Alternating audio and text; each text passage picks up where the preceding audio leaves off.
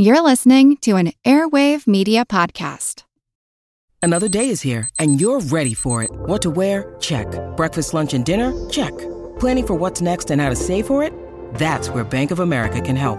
For your financial to dos, Bank of America has experts ready to help get you closer to your goals. Get started at one of our local financial centers or 24-7 in our mobile banking app. Find a location near you at bankofamerica.com slash talk to us. What would you like the power to do? Mobile banking requires downloading the app and is only available for select devices. Message and data rates may apply. Bank of America and a member FDIC.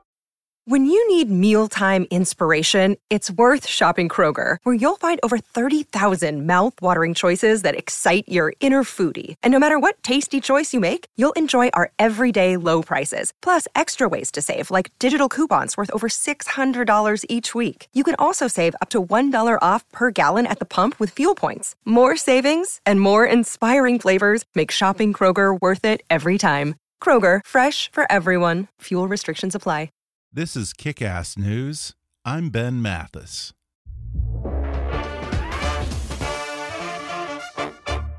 Hey, folks, it's Ben Mathis here with just a quick favor to ask. We love having great advertisers support the show, but in order to continue doing that, we need your help. So please go to podsurvey.com slash kick and take a quick anonymous survey that'll help us get to know you a little better. That way, we can show advertisers just how enthusiastic our audience is about kick ass news and keep the show free for listeners like you. Even if you've taken our podcast listener survey before, the current one is new and different, and it's really important that we have lots of listener feedback, so I'd really appreciate it if you take a minute to fill out this new one. Plus, as a thank you, once you've completed the survey, you can enter to win a $100 Amazon gift card. Again, that's podsurvey.com slash kick. P O D S U R V E Y dot com slash kick. Thanks for your help and thanks for listening. Today's podcast is sponsored by Nadex. Do you want to try day trading the markets but worried about the risk? What if you could choose your maximum risk and reward up front? Well, you can with binary options on Nadex. Trade global stock indexes, commodities, forex, even economic numbers, all from one account and always with limited risk. See for yourself why over 100,000 members choose Nadex. Find out more at nadex.com. Trading on Nadex involves risk and may not be appropriate for all investors. And now, enjoy the podcast. Hi, I'm Ben Mathis. Welcome to Kick Ass News. In March of 2016, the tennis world was rocked when Maria Sharapova revealed that she had failed a drug test at the Australian Open that January, testing positive for meldonium, which had been added to the World Anti Doping Agency's banned substances list just three weeks prior. The Court of Arbitration for Sports later found that she had taken the substance, quote, based on a doctor's recommendation with good faith belief that it was appropriate and compliant with the relevant rules. But nonetheless, she was slapped with a 15 month suspension by the International Tennis Federation, a lifetime in the world of professional sports. Sharapova recently returned to professional tennis this April, and in a dramatic comeback, she beat number two seed Simona Halep in the first round at last month's U.S. Open. Sharapova says it's part of the kind of gritty determination and ability to rise above adversity that's gotten her where she is today. And she writes about it in her new book, Unstoppable My Life So Far. Born in Russia, Maria Sharapova moved to the United States when she was just six years old and rose quickly as a tennis prodigy, coming seemingly out of nowhere to beat Serena Williams and win the Wimbledon finals by age 17. She reached the number one ranking at age 18 and has held that ranking on five separate occasions in her career. She's won 35 singles titles and five Grand Slam titles, including that Wimbledon victory over Serena in 2004, as well as titles at the Australian Open and the U.S. Open and two French Opens. Maria Sharapova also won a silver medal in women's singles at the 2012 Summer Olympics in London. Today, Maria Sharapova joins me on the podcast to share the remarkable story of how her father brought the six-year-old Maria to Florida with just 700 bucks in his pocket and an unwavering faith in his daughter's dream of becoming a tennis champion. She opens up about some of the setbacks she experienced during those early years, including a difficult growth spurt and a shady tennis pro who tried to take advantage of her and her father.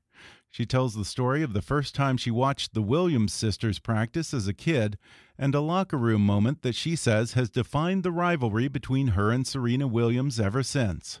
She reveals what went through her mind when she learned that she had failed that 2016 drug test, what she did during her 15 month suspension, and how the experience changed her mind about retiring from tennis.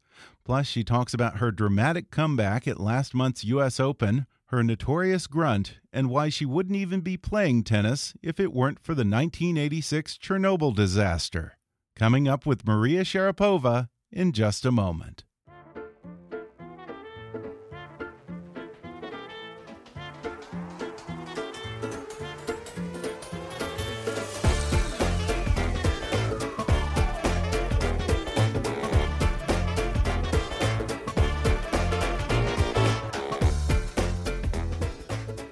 Tennis player Maria Sharapova has held the title of number one in the world five times so far. She's won 35 singles titles and five Grand Slam titles, including two French Opens, one Australian Open, a Wimbledon, and a U.S. Open. She's written a new book called Unstoppable My Life So Far. Maria, thanks for coming on the podcast. Thank you for having me. Well, there was a little girl outside who was waiting for you just now named Michelle, and she told me to tell you that you're her hero.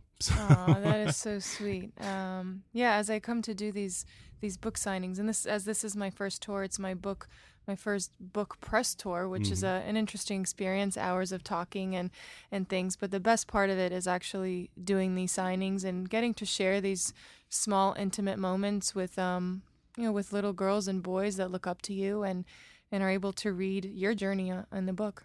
Yeah, and I was tempted to tell her that if she wants to become a professional tennis player, she should relocate to close to some nuclear plant or something, or Three Mile Island or something, because you say that you wouldn't even be a tennis player if it weren't for the Chernobyl disaster. That's right. Uh, how does that work? Explain how those two exactly. events are connected for you. Well, for one, my mom was pregnant with me, living 30 kilometers away from the from that explosion uh, back in 1986, and um, because there's not a lot of information around what happened and the consequences. Um, her and my father fled and they moved to Siberia, where I was born. And um, so, because of that, probably would have been maybe I would have been born in Belarus if not for Chernobyl, and which is a you know quite a, a poor country. I don't think I would have played tennis there. Um, and then when I was two years old, we moved to the south and a resort town called Sochi. Sochi, yeah, yeah which um, had a yeah, we had a lot of visitors in the summer. Tennis was a little bit more popular. My dad played for fun. He, you know, tried to be an athlete, but was not very good. He played hockey, a little bit of tennis in the summers, um, but no real athletic background in my family. But for fate, your dad moved you to the pretty much probably the one place in Russia where you can actually play tennis. That's huh? right. Where anyone really plays tennis because tennis is not that big in Russia, no, is it? Not particularly, and especially back then. I mean, now it's grown so much, and we've really put um, a lot of athletes, including myself, has has put tennis on the map in Russia. But back then, um, it was hockey. It was all the winter sports. It was gymnastics. It was rhythmic gymnastics. Those sports really dominated kind of the excitement from a fan perspective. There are a lot of coaches in those fields as opposed to tennis, and that's why we moved to the United States when I was just six and a half years old. And you dedicate a lot of this book to your dad, Yuri.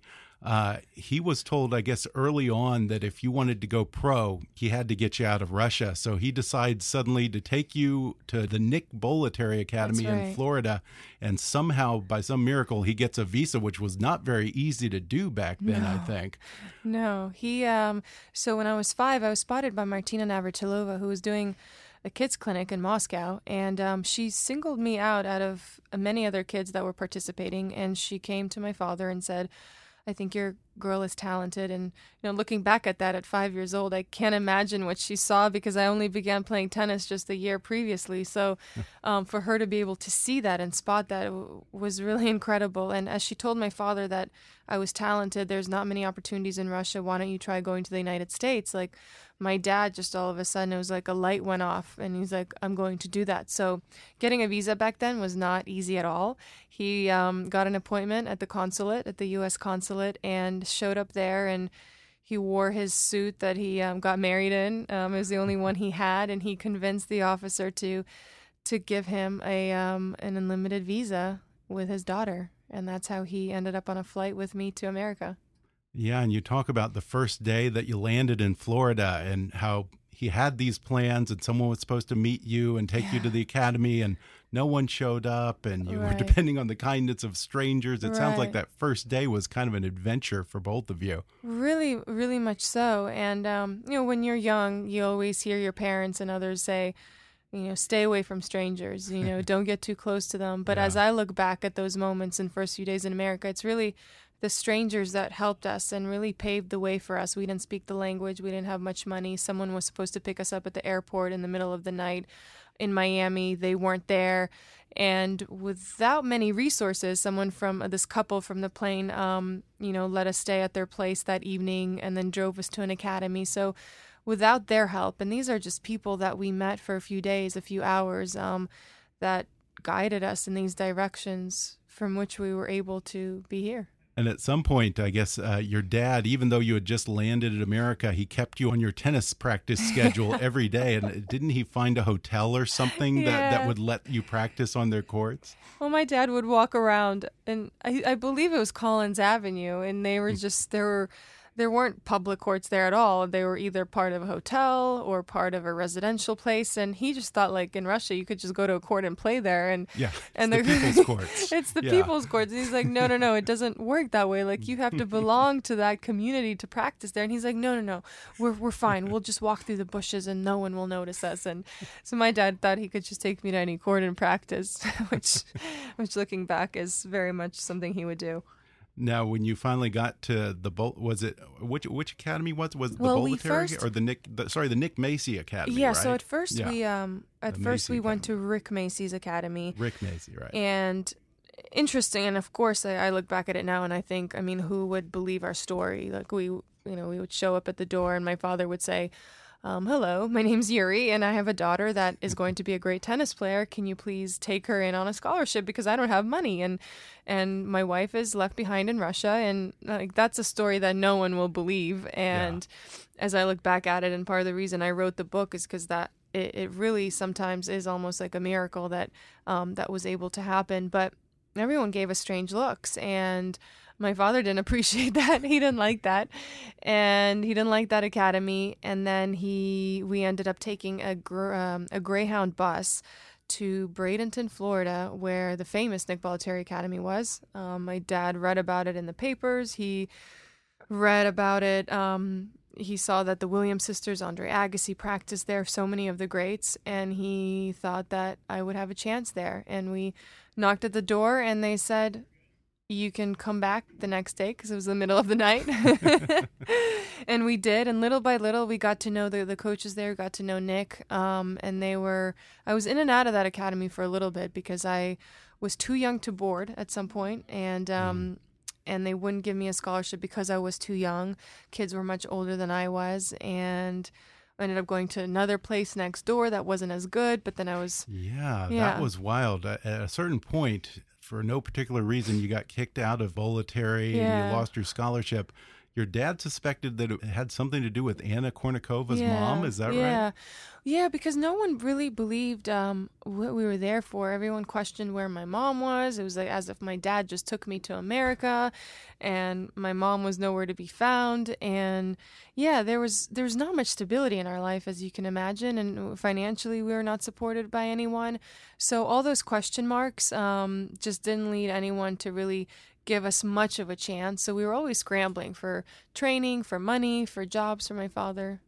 It sounds like it must have been a very stressful time for your dad because after you got kicked out of there, you ended up, like you said, at a not so great place yeah. just down the street. Yeah. And you were training at this second rate tennis academy run by this guy who, frankly, sounds like a real scumbag. Didn't he basically have your dad working for him as an indentured servant and he, he, he took his passport and his papers Yeah. and kept them in a safe? It just felt like a low Shady. grade place. Like it just Yeah, felt like sounds worse than that. it just felt like one of those places that you wouldn't really come out of it being great. You Mhm. wouldn't come out of it being something special. But it was a place that allowed me to train and that allowed my father to work and be close to me. He didn't have to be hours away, so he could monitor what I was doing and he Mhm. would be there when I was training. So there were, you know, as I speak about in the book, like there were good things in that situation, but it always felt like second tier to the Bollettieri Academy. So Mhm. although it gave me confidence that I was better than the other players, I knew that I had to work up to the players that were at the other academy next door. And so although it was nice, it wasn't challenging enough um, in terms for my tennis, but it was challenging in all other aspects. Well, did your dad ever get his passport back? He definitely got his Okay. passport back. okay, good. Well, when you went back to Bollettieri's, you started training there and got on scholarship, and things were looking up. And then you experienced this growth spurt. And it's funny because throughout the whole book, how everyone was talking about this little tiny Russian girl tennis player, yeah. and suddenly you're not such a tiny girl. How did you adjust to your new Yeah. body? Yeah, I was when I was young. I was very skinny. I wasn't tall. Um, knobbly knees, Mhm. very awkward. You know, I didn't have the nicest clothes. Um, you know, I had my hair. My father would cut for the first few years unevenly, which I didn't appreciate at all. Um, but then all of a sudden, I started growing, and I I don't necessarily know why I became so tall. I'm six two now, but no one in my family is very tall. But there was this Chernobyl. sense. well, that, a, I questioned that in the book because Yeah. the mushrooms were growing three times the size. The the film was coming back exposed, so you never you never know. Be. um, I have a good laugh about it with my parents. But on a serious note, I did. I, I found myself growing um, out of nowhere, really. And I remember hanging off of a, um, you know, my, my parents would put up a rod in my bedroom door, just hanging it on the door, and they would have me hang from it before I went to sleep. They believed that I would grow taller when I would be sleeping. so, so I did that. So I'm not sure exactly how that happened, but it was a change and it, it kept going for a few years. I lost a lot of matches during that time. I just couldn't really connect my mind to my body, which was so w strange. Like I felt all right. I would walk normal, sleep normal, eat normal, but then I'd get on the court and I'd, I'd just feel so disconnected from everything that was going on. And it made me feel, for someone that was growing bigger and taller, it made me feel smaller, Mhm. um, which was a chal- challenging time. We're going to take a quick break, and then I'll be back with more with tennis player Maria Sharapova when we come back in just a moment.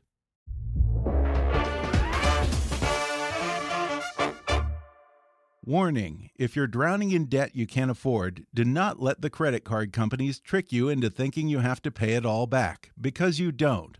What the credit card companies don't want you to know is that there's actually a way to get debt free without paying off your entire debt or going bankrupt.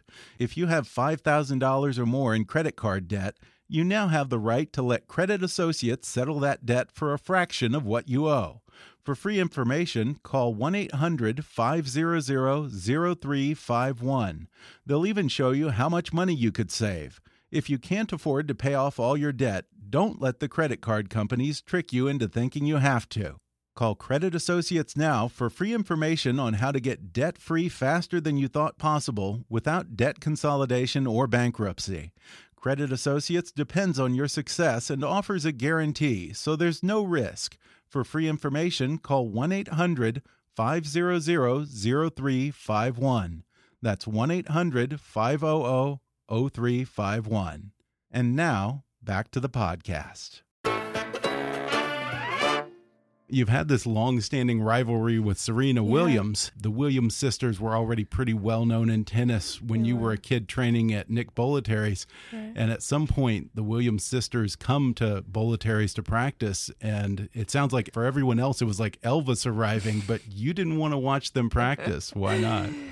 Yes, I remember the day when they when the coaches told us that the Williams sisters were coming to practice with their father and half of the practice on that day was canceled because all the kids wanted to watch them practice and and I deep down wanted to watch them practice too. and my father was like, "You have to go and you know study their focus, study their game, study what they're doing. They're Grand Slam champions."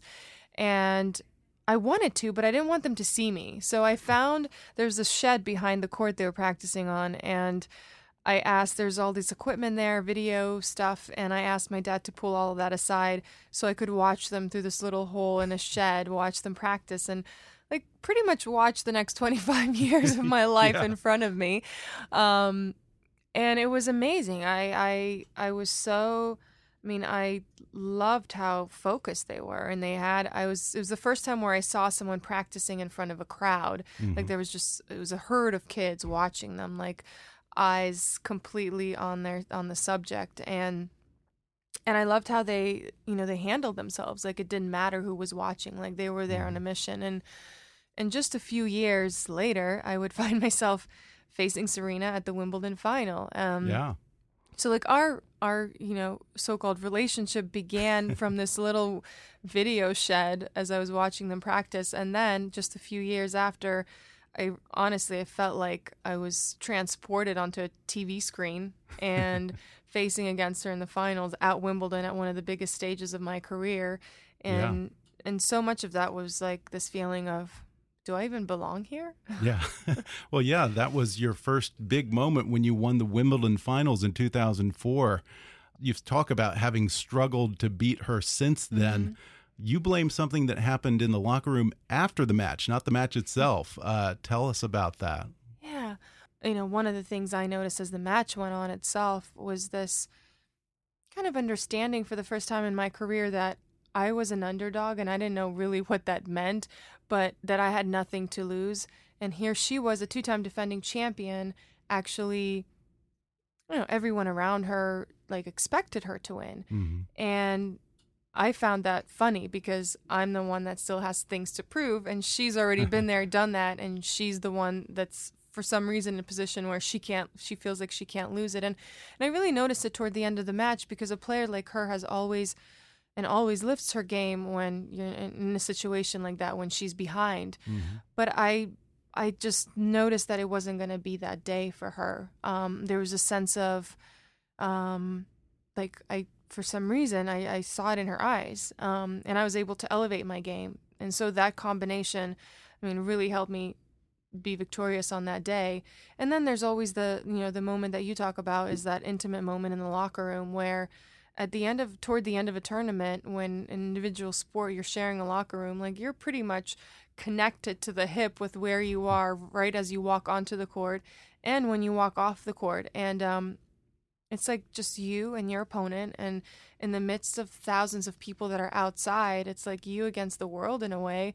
And you share all these personal moments, and I come in there and I, I hear her crying. I, I know I, I know that she sees me because I'm putting my bags down and I have people around me and they're asking me if I'm going to my press conference. So it was that moment in which I really thought that, you know, I really stepped up my game. I was a 17 year old girl and I was able to come through and win. And in her mind, she was like, I'm never losing to her again. Yeah. Um, and I've been in that losing end of a Grand Slam since that victory. I know how that feels like. I know when an opponent comes in after that victory, and it's a low moment. Yeah, you say that you're more driven by the fear of losing than the love of winning. Uh, do you think that's a more effective motivator? I don't know. It's always worked for me. yeah. Do you do you think it's a healthy motivator? Maybe I should I ask think, that. Um, I think I don't. I don't like the feeling of losing, so I mm-hmm. think you do does? You, you train. No, exactly. and and being a competitor, like no one wants to be on the winning end, especially a Grand Slam final. Mm-hmm. Well, you're also known for your concentration. I, I wonder when you're on the court like that and you miss a point. Yeah what do you do mentally to reset so that it doesn't affect the rest of your game? I, you know, I, I have a routine in between points. Like I go back and I fiddle with my strings for a little bit. And, and the reason I started doing that at a young age was because my concentration was like I was, I had a drive where I was good with repetition and doing the same thing over and over. But when I would be up in a match, I'd lose my concentration. I'd look around, I'd see people watching me, I'd be like, how amazing is this? And then all of a sudden you're kind of taken back to reality. You lose a few points, leads to games, and then wow, you're losing you're losing a match. Mm-hmm. And so I learned very quickly that you know tennis is a momentum game. There are shifts, there are turns, but working on the concentration is very important. And and I think everyone must find what is it that draws them back to like being present because Mm-hmm. I find when I lose my concentration, my mind is like is not in in the moment that I am in today or right now. I'm somewhere else Yeah. you know, in the future usually. having spent your life dedicated to the sport and being so focused Mm-hmm. singularly on this, is it weird to you to think that there are millions of people out there in the world that actually play tennis for fun? No, not at all. Yeah. And I I understand that aspect and I actually I do like I'll go out with some of my friends that, you know, just play tennis for fun and you know, I'll hit the ball back and Mm-hmm. Really? forth with them. You yeah. play for fun. Well, I mean, like when I say fun, like it's not that fun for me because it's not. I, Well, I like a to challenge be to you, I'm challenged. sure, yeah. exactly. So for me, it's not a challenge, and that's what makes the game fun to me. Like I like being in a situation where it's deep in the third set. Of course, victories that are fast and you know, so I shall say like on the easy end. I mean, those are great. They're fast. Your your body gets another chance to recover quicker for the next one, but. I do love the pressure and I do love being in situations that challenge me. So fun, you know, hitting the ball back and forth. That's it's fun because I'm there sharing it with my friends, but it's not fun because I'm not challenging myself within that sport. Well, one thing that wasn't fun was in 2016, of course, when you found out that you had tested positive for a banned substance. Right. Uh, you were actually notified in an email of all things. Uh, what went through your mind when you read that? Um, it was um, it was such a surprise because the knowledge um, when I found out what the name was, um, my knowledge of the previous years that I was taking that that supplement was actually that it was legal and I had certifications that it was legal. Right. So the shock of not knowing that it had become illegal was, I think, the initial um, sort of surprise and uncertainty that I had was, wait, wait, how did I not know? How did I not find out? Um, who, you know, who was responsible for it? And then at the end of the day, um, you know, I took full responsibility for it because that is my body and my and my choice, and I was the one that was supposed to check that. Yeah, and even I guess either the International Tennis Association or the WADA or whoever it was said that it was clear that you hadn't been taking it as a performance enhancing drug Right. and you hadn't been taking it intentionally. Right. Um, yeah. Yeah. I went through. I went through two trials. Um, you know, in the final report, I, you know, I, I felt like my my um, suspension was reduced to 15 months. I was. It was found that it was not intentional. That I was not notified properly by the ITF of the change. Um, that I was not hiding my use um, of that supplement. So. Yeah, I mean it, it, but it took a long time to to get to that, and I was still away from the game for that period of time. So, I faced a lot um, of different emotions. I faced the the challenge of wow, well, the realization of wow, will I ever be back again? Will I ever be back at the top level? When will I be back? So, and for an athlete, uncertainty is scary, and I definitely Yeah. faced that feeling And 15 months is a lifetime. in a tennis world. Yeah. Definitely, yeah. Yeah. Well, during those 15 months, aside from writing the book, uh, what did you do with your time? I did a lot. I still maintained a good base, like physically, which was really important. I trained a lot, um, not as much on the court, but I did a lot of off court activities. Um, I gained a whole new appreciation, sort of around the fact that the body at 30 years old can still do great things, can still have the drive and the capability if you treat it right, um, that it will have the opportunity to train at a high level and play a lot of tournaments which was a good sign for me mentally that I could continue.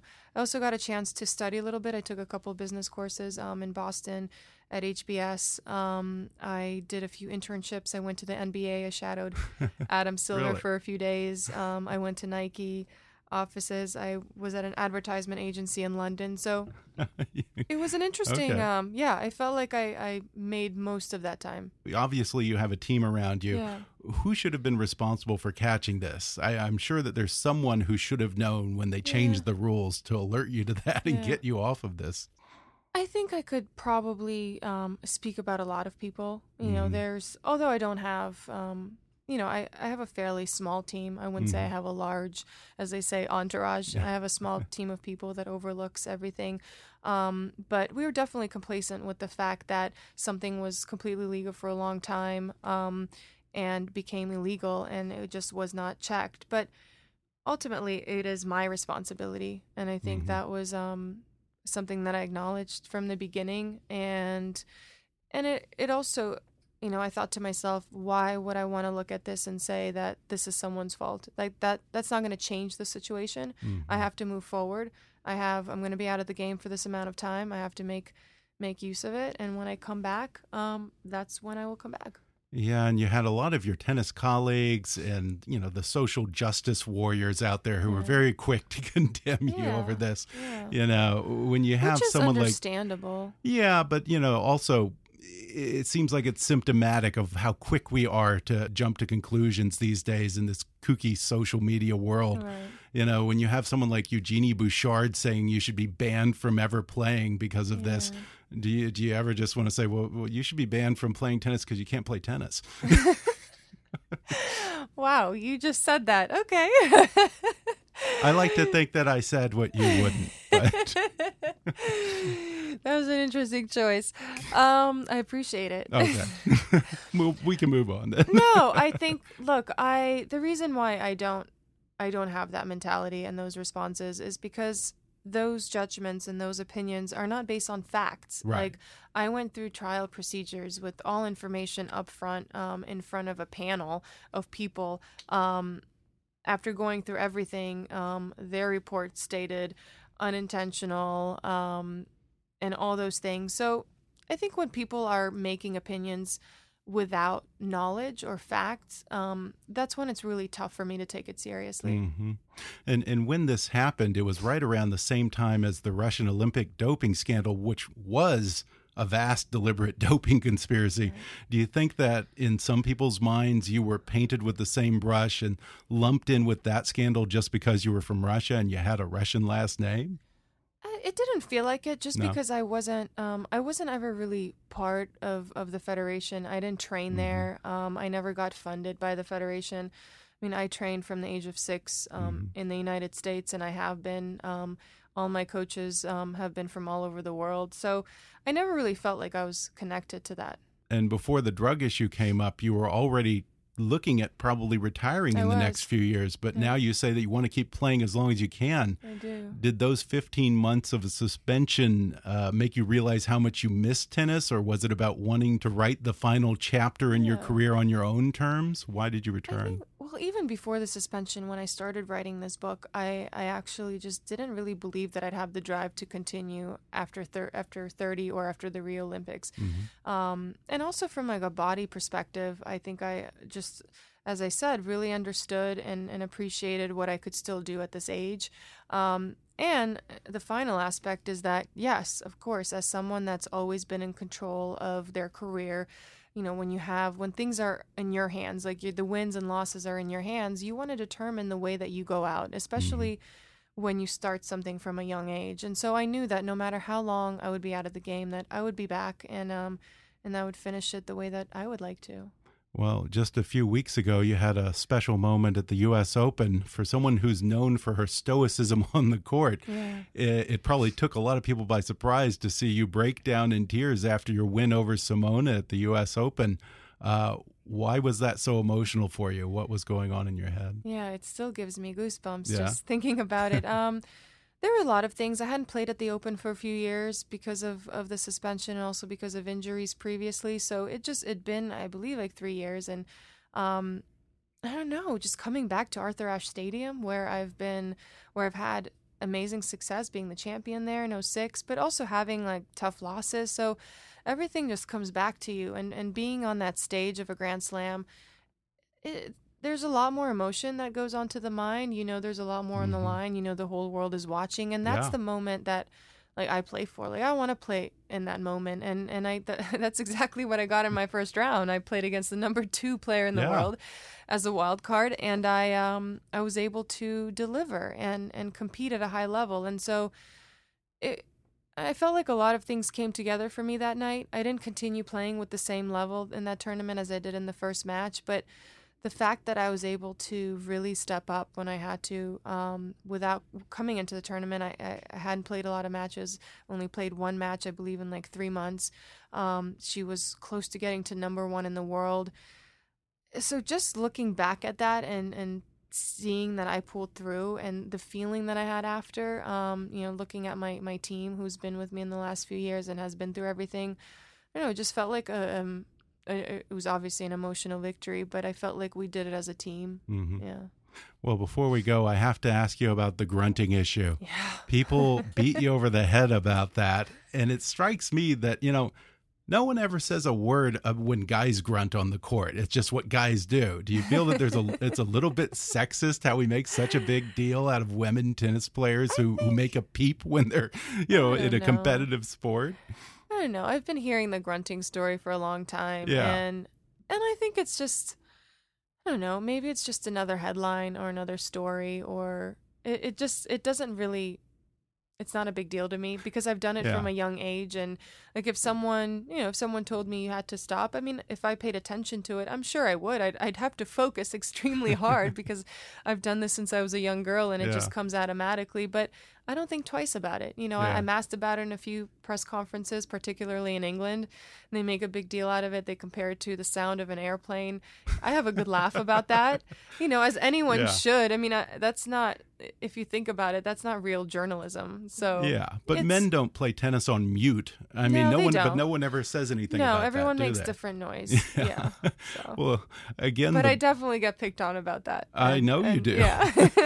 well, again, the book is called Unstoppable My Life So Far. Maria Sharapova, thanks for joining me. Thank you for having me on.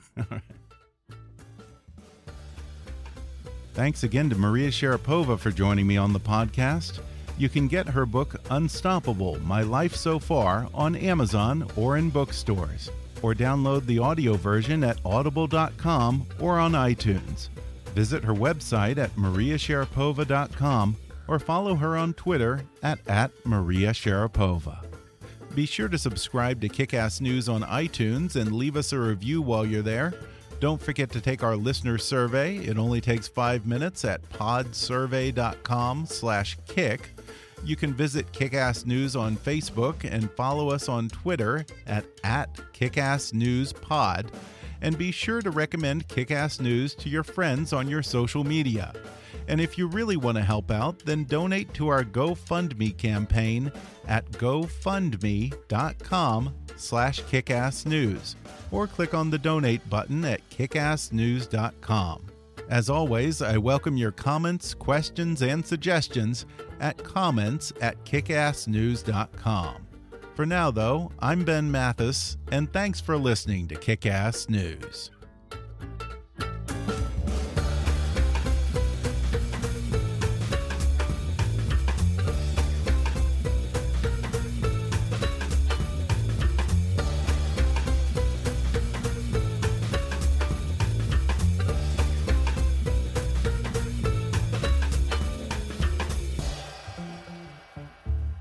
Kickass News is a trademark of Mathis Entertainment, Inc.